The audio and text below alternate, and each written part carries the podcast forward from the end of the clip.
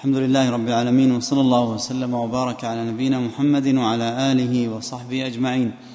أما بعد ففي هذا اليوم الحادي عشر من شهر جماد الآخرة لعام أربعة وثلاثين وأربعمائة وألف ينعقد المجلس الثامن في شرح كتاب الورقات للإمام الجويني رحمه الله تعالى لمعالي شيخنا الشيخ الدكتور يوسف بن محمد الغفيص.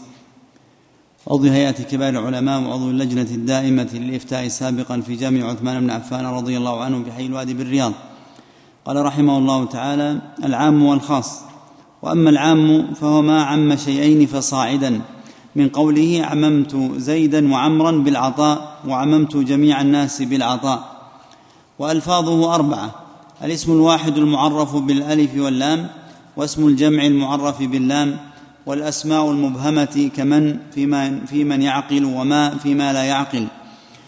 وأي في الجميع وأين في المكان ومتى في الزمان وما في الاستفهام والجزاء وغيره ولا في النكرات كقولك لا رجل في الدار. لا رجل لا رجل في الدار. والعموم من صفات النطق ولا يجوز دعوى العموم في غيره من الفعل وما يجري مجراه. والخاص يقابل العام والتخصيص تمييز بعض الجملة وهو ينقسم إلى متصل ومنفصل. فالمتصل الاستثناء والتق... نعم. نعم. الحمد لله رب العالمين وصلى الله وسلم على نبينا محمد وآله وأصحابه أجمعين. ذكر أبو المعالي هنا ما يتعلق بالعموم وترى أنه ذكر المذهب الذي عليه الجمهور من أهل الأصول وهو القول بوجود العموم وثبوته وإن كان أشار إلى أن العموم من عوارض الألفاظ. أشار إلى أن العموم من عوارض الألفاظ وهذه مسألة خلافية بين الأصوليين هل هو من عوارض الألفاظ أو من عوارض المعاني. وبين هنا أن الراجح والمختار عنده هو اعتبار العموم وهذا فيه مذاهب لأهل النظر وعلماء النظر والأصول والمشهور فيه ثلاثة مذاهب. من يقول بإثبات العموم وهم الجمهور ومن يقول بأنه يحمل على أدنى الجمع ولا يكون زائدا عن ذلك إلا بدليل. ومنهم من يقول بالتوقف في هذا وأن ما كان من ما سماه أصحاب العموم عموما يجعلونه من المشترك يجعلونه من المشترك فيكون فيه على هذا التقدير يكون فيه على هذا التقدير قدر من الإجمال يكون فيه على هذا التقدير قدر من الإجمال فيجعلونه مشتركا. فهذه ثلاثة مذاهب مشهورة للنظار ثلاثة مذاهب مشهورة للنظار والراجع عند الجمهور من أهل الأصول هو اعتبار العمل بالعموم وأنه ثابت من حيث الألفاظ وبعضهم يجعل العموم من عوارض المعاني كذلك. ثم ذكر أبو المعالي الصيغ الجامعة للعموم ذكر الصيغ الجامعة للعموم فذكر المعرف بأل الاسم المعرف فإن هذا يكون من صيغ العموم. كما في قول الله سبحانه وتعالى قد أفلح المؤمنون فهذا يدل على العموم. وذكر ما كان من الأسماء المبهمة وهي الأسماء الموصولة كمن في العاقل وما في غير العاقل فإن هذا يدل على العموم كذلك. فإن هذا يدل على العموم ولها صيغ مفصلة في كتب الأصول. ثم ذكر الخاص والتخصيص ويراد بالخاص ما قابل العام. يراد بالخاص في تقريب المسائل وبسيط المسائل ما قابل العام ويراد بالتخصيص تخصيص العموم أي إخراج بعض أفراده فإن الأصل هو العمل بجميع أفراد العام وأن الحكم الذي ورد العموم فيه يكون متعلقا بجميع أفراده فيكون التخصيص يكون التخصيص مخرجا بعض أفراد العام. ومن يقول بالعموم يتفقون على ورود التخصيص على العام. وإن كان التخصيص هنا عليه بعض المسائل المحكمة أو فيه بعض المسائل المحكمة وفيه بعض المسائل التي فيها قدر من الاشتباه والاختلاف. أما المحكم فهو أن يكون التخصيص بالنص فالعموم اللفظي يخصصه النص واللفظ الصريح وهذا له نظائر في الشريعة ومنه الاستثناء ومنه الاستثناء عند بعضهم وبعضهم يجعل الاستثناء ليس من باب التخصيص أصلا. هذا نظر ولكن إذا وقع التخصيص بالنص فهذا مورد لا يختلف فيه. وإن كان بعض ما يسمى تخصيصا بالنص لا يختلف في كونه نصا ولكن قد يختلف في كونه إيش؟ تخصيصا كالاستثناء مثلا. كالاستثناء مثلا. والمسائل التي يرد فيها بعض التردد في مسائل التخصيص للعموم مثل مسألة المسائل التي يسميها أهل الأصول مثل مسألة هل يمكن أن يكون التخصيص مخرجا أكثر أفراد العام أو لا يمكن؟ هذه محل خلاف. هذه محل خلاف. هل يمكن أن يكون التخصيص يخرج أكثر أفراد العام أو أن التخصيص لا بد أن يكون بما دون ذلك؟ بالأقل من أفراد العام وليس بالأكثر. الجمهور يقولون إن التخصيص لا يرد على الأكثر. إن التخصيص لا يرد على الأكثر. ومثل هذه القاعدة إذا اعتبرت في فهم الدلالات يبين أحيانا أن بعض الرأي من بعض الفقهاء في تفسير بعض النصوص يرد عليه الإشكال. كيف يرد عليه الإشكال؟ لأنه يتفرع عن أن هذا النص العام حمل على أدنى أفراده فحسب. حمل على أدنى أفراده فحسب. وهذا له بعض الأمثلة في مسائل يذكرها الفقهاء الذين قد يحملون بعض المسائل على وجه من التخصيص بصفة فيتفرع عن تصحيح هذا المعنى في الأصول وهو أنه هل يمكن أن يكون التخصيص مفرغا العام من أكثر أفراده أو لا يمكن؟ الراجح خلاف ذلك وأن التخصيص يكون بما دون ذلك لا يكون بالأكثر. ومن المسائل التي هي من مورد البحث في مسائل الخاص والعام هل التخصيص يقع بما دون النص كالتخصيص بالقياس مثلا والتخصيص بالمصلحة المرسلة هذه أيضا من المباحث. والراجح أن التخصيص لا يقع بهذه. والراجح أن التخصيص لا يقع بذلك. لا يقع التخصيص بما هو من الاستصلاح أو المصلحه المرسلة ولا بالقياس. وما يصح من المعاني يكون عند التحقيق لم يثبت العموم في هذا المحل الذي وقع معتبرا في المصلحة المرسلة. فإن المصلحة المرسلة كما تعرف تقديرها عند من يثبتها المصلحة التي لم يشهد لها الشارع باعتبار ولا إلغاء أي باعتبار معين ولا إلغاء معين. وهو الذي يسميه طائفة من أهل الأصول كأبي الحسن الآمدي وغيره يسمونه المناسب المرسل. المناسب المرسل لما قسموا المناسب إلى أربعة أقسام فجعلوا المناسب المؤثر والمناسب الملائم والمناسب المرسل والمناسب الملغى. فالمناسب المؤثر وهو أقواها وكذلك هم المناسب الملائم وهو ما كان اقتضاءه بالنوع والجنس هذا النوع وهذا النوع يجعلونها مادة القياس. يجعلونها مادة القياس اللي هو من الأدلة المشهورة في الأصول كما تعرف. ويجعلونه الدليل الرابع بعد ماذا؟ بعد الكتاب والسنة والإجماع. يجعلونه الدليل الرابع بعد الكتاب والسنة والإجماع. عند أكثرهم عند أكثرهم وبعض علماء الحنفية يقوي هذا الدليل أكثر من ذلك وبعض الأصوليين ينقل القياس أصلا عن دائرة الأدلة. بعض الأصوليين يعتبر بالقياس لكنه ينقله عن نظام الاستدلال أصلا أو نظام الأدلة ويجعله في الاستنباط يجعله في الاستنباط. كما صنع أبو حامد في المستصفى فإنه ما جعل القياس ضمن الأدلة. المرتبة عنده كترتيب أدلة مبتدعة. إنما يقول أن القياس هو في الاستنباط فهو يصحح القياس تصحيحا بالغا ولكنه من حيث الترتيب جعل له ترتيبا مختلفا. وجعل أصول الأدلة عن أبا حامد الكتاب والسنة والإجماع والاستصحاب. جعل أصول الأدلة الكتاب والسنة والإجماع والاستصحاب ثم تكلم فيما زاد على ذلك. وسماه موهوما. ثم صحح القياس وجعله في الاستنباط.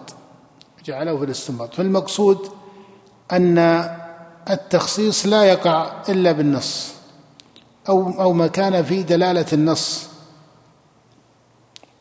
أما ما ما تجرد أو تمحض على أنه وجه من القياس وكلمة النص هنا لا يراد بها النص الذي يقابله الظاهر وما دونه. إنما يراد بالنص ما قابل القياس والمصلحة المرسلة في هذا السياق. فالمصلحة المرسلة لا تخصص العموم. وتعرف أن هذا المبحث الذي هو المصلحة المرسلة والاستصلاح فيه جدل بين علماء النظر والأصول من جهة تحرير ماهيته قبل النظر في حكمه. قبل النظر في حكمه وهكذا كثير من المسائل الثانية في الأصول. الجدل أو الخلاف متجه إلى التحرير قبل أن يقال في الحكم حتى لا تقع المعاني في الإثبات والنفي على أوجه مختلفة فيكون المثبت لا يريد ما أراده إيش؟ النافي فإذا كان كذلك إذا كان المثبت لا يريد ما أراده النافي ما تحرر أن الخلاف أن الخلاف خلاف على الحقيقة. لا يكون الخلاف خلافا على الحقيقة إلا إذا كان المعنى بين المثبت والنافي معنى واحدا وهذا أثبته وهذا نفاه. وإلا إذا كان الاشتراك بينهما إنما هو بالاسم فما عاد الخلاف خلافا. ولهذا اختلف في تحرير المصلحة المرسلة واختلف في تحرير الاستحسان واختلف في تحرير الاستصحاب وأخذوا من أقوال أئمتهم الحمل على المعنى الاصطلاحي فتوسعوا في ذلك. فبعض أصحاب أحمد لما وجدوا أحمد يقول أستحسن عند دخول الحمام. كذا وجدوا أو في أرض السواد كذا قالوا إنه يقول بدليل الاستحسان على معناه الذي هو العدول عن دليل إلى دليل.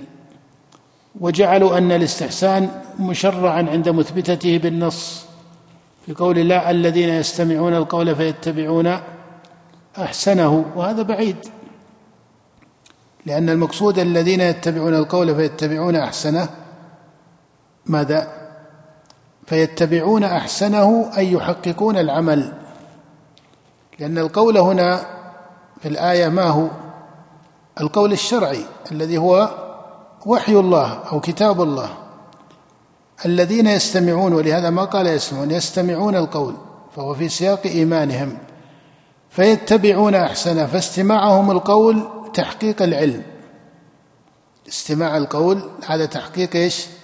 العلم ولهذا لم يقل يسمعون بل ذكر فعلهم بقوله يستمعون القول أي من الله فيما أنزله أو من النبي فيما يقوله. فيتبعون أحسنه كيف يتبعون أحسنه؟ إذا طابق العلم إيش؟ العمل أو تبع العمل العلم. حققوا العلم والعمل. لما قال الإمام البخاري باب العلم قبل القول والعمل. تحقيق العمل هو قوله فيت ليس المقصود الذين يستمعون القول فيتبعون أحسنه أنهم يستمعون القول من قول الله أو قول نبيه فيختارون وينتخبون منه. هذا يرد ولا ما يرد؟ هل هذا هل هذا المعنى يصح حمل الايه عليه؟ لا يصح. فيتبعون أحسنه أي يحققونه. ولهذا تقول أبو بكر استمع القول القرآن فاتبع أحسنه. وقد يأخذ القرآن ويستمعه من لا يتبع أحسنه.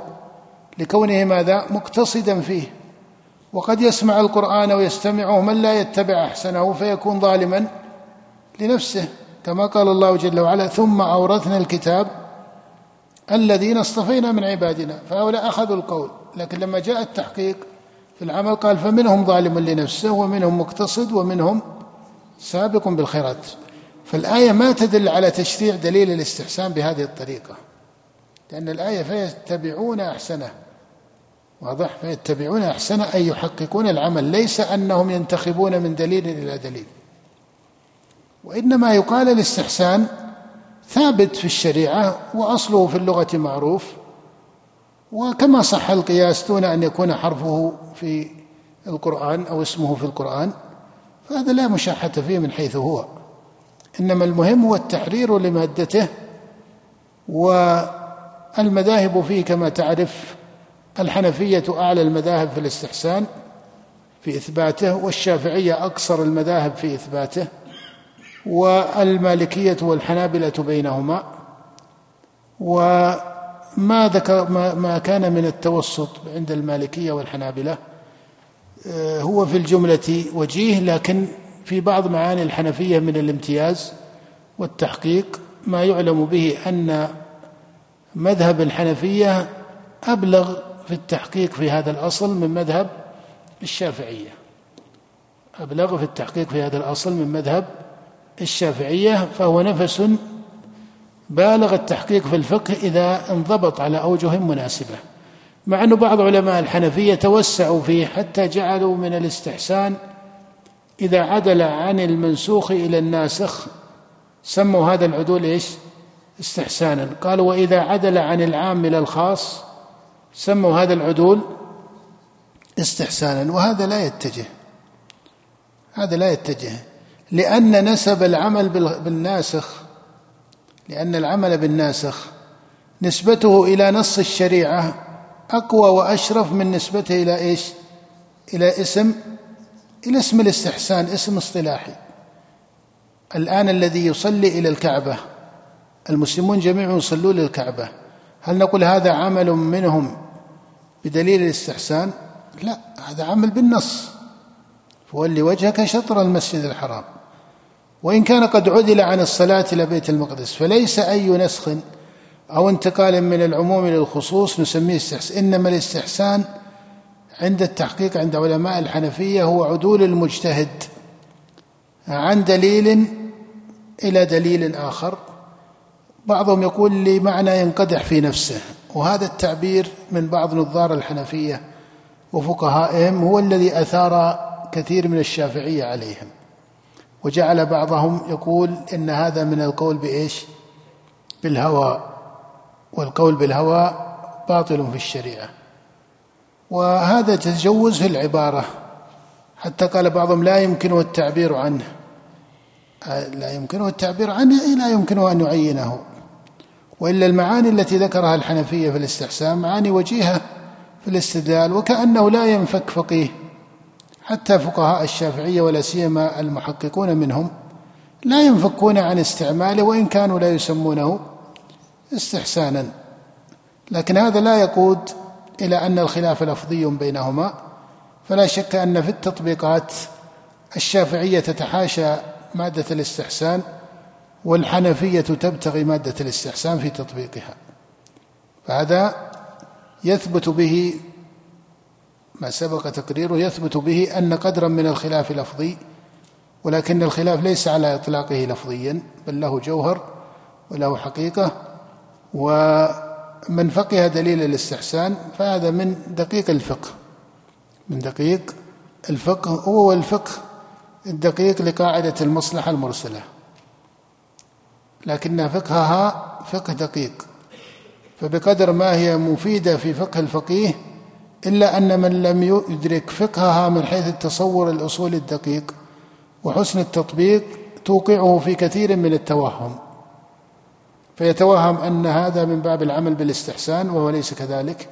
وقد ذكرنا في درس الفقه له مثالا عبر لما ذكر المصنف سؤر السباع سباع البهائم والطير ذكرنا أن الحنفية قالوا سؤر سباع البهائم كالنمر والأسد سؤرها نجس وأنهم قالوا إن سؤر الطير كالنسر إيش؟ طاهر. وفرقت الحنفية بين هذا وهذا مع أن هذا السبع وهذا السبع. قالوا عملا بدليل الاستحسان. وهو عدول عن قياس جلي إلى قياس خفي. لو قدر مجردا ما صح العدول إليه.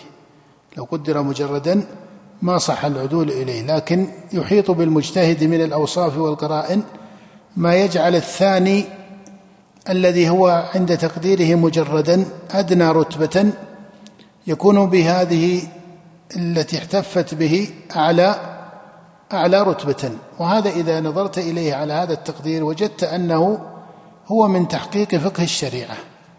هو من تحقيق فقه الشريعة. لماذا؟ لأنك تعلم أن الشريعة ليست قانونا وضعيا ليست قانونا رياضيا. لا تقول إذا نظرت في دليل لا أنظر في الدليل الآخر بل حتى في النصوص التي هي أبلغ من الاستنباط يجب النظر في النصوص كافة بل لو وجدت الحكم في القرآن مسمى تنظر في السنة فإن السنة قد تكون مقيدة أو مخصصة أو مبينة لدرجة الأمر أهو للوجوب وللاستحباب. وقد يذكر في القرآن مقام دون المقام الثاني مثل ما في قول الله فإذا أفضتم من عرفات فاذكروا الله عند المشعر الحرام. بعضهم قال فاذكروا الله عند المشعر الحرام هو المبيت بمنى أو المبيت بالمزدلفة. فإذا فسرت قوله فاذكروا الله عند المشعر الحرام بالمبيت بالمزدلفة اتجه الخطاب يعني لم يرد الإشكال من وجه. لأن الآية فيها ترتيب للأركان والواجبات. لكن من يقول فاذكروا الله عند المشعر الحرام هو ذكر الله الذي يكون بعد صلاة الفجر لأن النبي صلى الله عليه وسلم صلى الفجر ثم جلس يذكر الله. أول ما وصل إلى المزدلفة نام أليس كذلك؟ ثم صلى الفجر بغلس وذكر الله إلى أن أسفر جدا إلى أن أسفر جدا ثم دفع قبل أن تطلع الشمس. من حمل الذكر في الآية على هذا الثاني فإنما هو مستحب أليس كذلك؟ فخوطب به في الآية بعد الإفاضة من عرفات فدلت السنة على أن ذلك على سبيل الاستحباب وهو الذي قاله العامة لا كما قال ابن حزم لما أخذ بما سماه ظاهر الآية أن هذا على سبيل الوجوب لأن الآية ترتب أعمال النسك الواجبة فهذا ليس كذلك. هو إما أن يحمل على المبيت بالمزدلفة وهو من ذكر الله وتمام هذا الذكر أن يصلي الفجر بالمزدلفة ويذكر الله بعد صلاة الفجر فهذا داخل في ذكر الله. وإذا حمل على التالي قيل الآية فيها التفات إلى التنبيه على الكمال. فإن الكمال في المزدلفة ما هو؟ أن يصل بمبيته إلى أن يذكر الله بعد صلاة الفجر عند المشعر الحرام أي في المزدلفة. المزدلفة كلها مشعر حرام. فالمقصود أن أنك إذا نظرت القرآن ومثله كما سبق الإشارة إليه وإذا ضربتم في الأرض فليس عليكم جناح أن تقصروا من الصلاة إن خفتم يفتنكم الذين كفروا. ومع ذلك لما نظرنا السنة وجدنا أن القصر ليس من شرطه الخوف أليس كذلك؟ فإذا كان ينظر في الأدلة النصية مع أن النص في الأصل يفصح بالحكم ولكن ينظر في الأدلة الأخرى من الكتاب والسنة ويجمع الآية إلى غيرها من الآيات والسنة إلى غيرها من السنن والآية إلى السنة وهكذا فمن باب أولى فمن باب أولى أن يقارن بين ماذا؟ بين الدلالات التي هي استنباط. فإذا كان النص قد لا يكون متمما الحكم إلا إذا ضم إليه دلالة النصوص الأخرى المتممة لدلالته أو المفسرة لدلالته فكذلكم إذا كان في باب الاستنباط فهو أولى. فليس إذا وقفت على قياس جلي ودونه قياس أقل منه تقول أقدم الجلي وأدع الثاني وأنت لم تحط بأن هذه المسألة يقوي القياس الأدنى فيها أنه يتصل بالمصلحة المرسلة أو يتصل بمقاصد الشريعة أو يتصل باستصحاب أو يتصل بقرائن من دلالات الألفاظ أو غير دلالات الألفاظ يجعل هذا الثاني الذي هو أدنى يجعله إيش؟ يجعله ماذا؟ يجعله أعلى فهو حقيقة فيه فقه ولكثرة ممارسة علماء الحنفية على مسائل الرأي وتقليب الاستنباط وسعة فهمهم لدليل القياس. تحصل عندهم هذا التنوع في دليل القياس الذي سموه استحسانا فإن جوهر دليل الاستحسان عند الحنفية هو في صور من أخصها العدول عن قياس جلي إلى قياس دونه. لموجب أن يزيد يحيط بالقياس الثاني ما يجعله في هذا السياق المعين أو في هذه الم... في هذا الاستدلال المعين أقوى. على كل حال هذه مسائل فيها بحث وتحرير وبالله التوفيق وصلى الله وسلم على عبده ورسوله نبينا محمد.